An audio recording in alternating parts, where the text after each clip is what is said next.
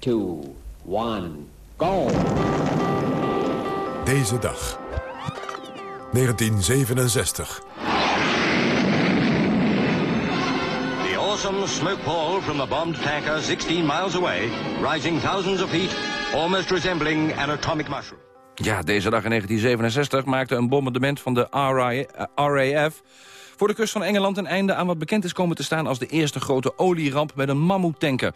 Na een mislukte bergingspoging van het Nederlandse bedrijf Weissmuller... zonk de Torrey Canyon naar de bodem.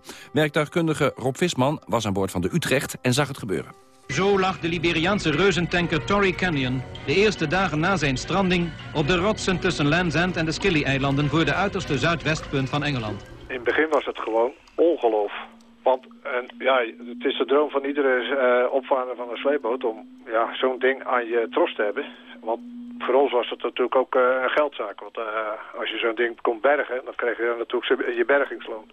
Nou, toen kwam dat hele spul in beweging. Nou, toen was het op een gegeven moment vastmaken en proberen dat ding los te trekken. Nou, toen kregen we op een gegeven moment waren we dus bezig. Je kreeg extra mensen aan boord. Dus het was een, ja, een ja, heksenketel van, van, van mensen die van allerlei dingen deden. Uh, zo stond ik de ene moment stond ik achter de winst om bijvoorbeeld uh, de sleeptros uit te vieren. En de volgende moment stond je weer achter de manoeuvreerstand. Of je stond in de werkplaats weer allerlei hulpvaartuigen te repareren, aansluitingen en dergelijke. Maar op een gegeven moment, daar ja, begon steeds het weer begon slechter te worden. En er kwam op een gegeven moment een behoorlijke deining te lopen. En wij wouden dus dat schip eigenlijk uh, ja, wel lostrekken, maar proberen te scheuren dat ze dus in ieder een gedeelte. Want aan het voorschip daar zat zoveel rots in, dat kreeg je eigenlijk niet goed er vanaf. Maar ja, toen kwam er zo slecht weer en zoveel deining. Deze storm, die enkele dagen aanhield, had fatale gevolgen. Aan boord van de Nederlandse slepers zag men het schip langzaam dieper wegzinken, terwijl er steeds meer olie uitkwam. Maar ondertussen tijd, omdat dat schip eigenlijk steeds verder wegzakte, kwam er een uh, ja, overdruk in die machinekamer. Uh, toen is het zwakste gedeelte van, ja, zeg maar aan de bovenkant van die machinekamer, is dus ja, eraf geblazen, dus geëxplodeerd.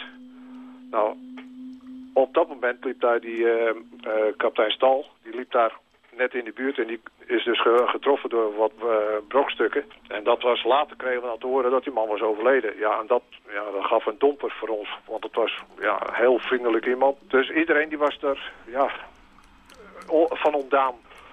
Nou, toen op een gegeven moment toen hadden ze van de Engelse regering gezegd van... ja jongens, dat wordt niks, uh, stoppen ermee. De regering, of de Engelse regering, besloot dat dat schip... Uh, ja, gebombardeerd moest worden. In ieder geval die olie die moest opgeruimd worden. Maar om dus uh, toch in aanmerking te komen van de verzekeringsgelden... want er ging natuurlijk veel bergingsmateriaal verloren... moesten we dus daadwerkelijk bij de, uh, bij de aanwezig zijn. Maar ja, omdat ze gingen bombarderen moesten wij er dus op afstand bij blijven. Dus we hebben het gezien hoe ze dus met vliegtuigen getracht hebben om ja, die olie en ook het schip te vernietigen, kapot te gooien en dan ja, in de fik te steken. Dat is inmiddels gebeurd. En de Torrey Canyon is geëxplodeerd en in de golven verdwenen. Ja, je was 19 en de, ja, de wereld lag nog voor je open. Dat was nog een avontuur.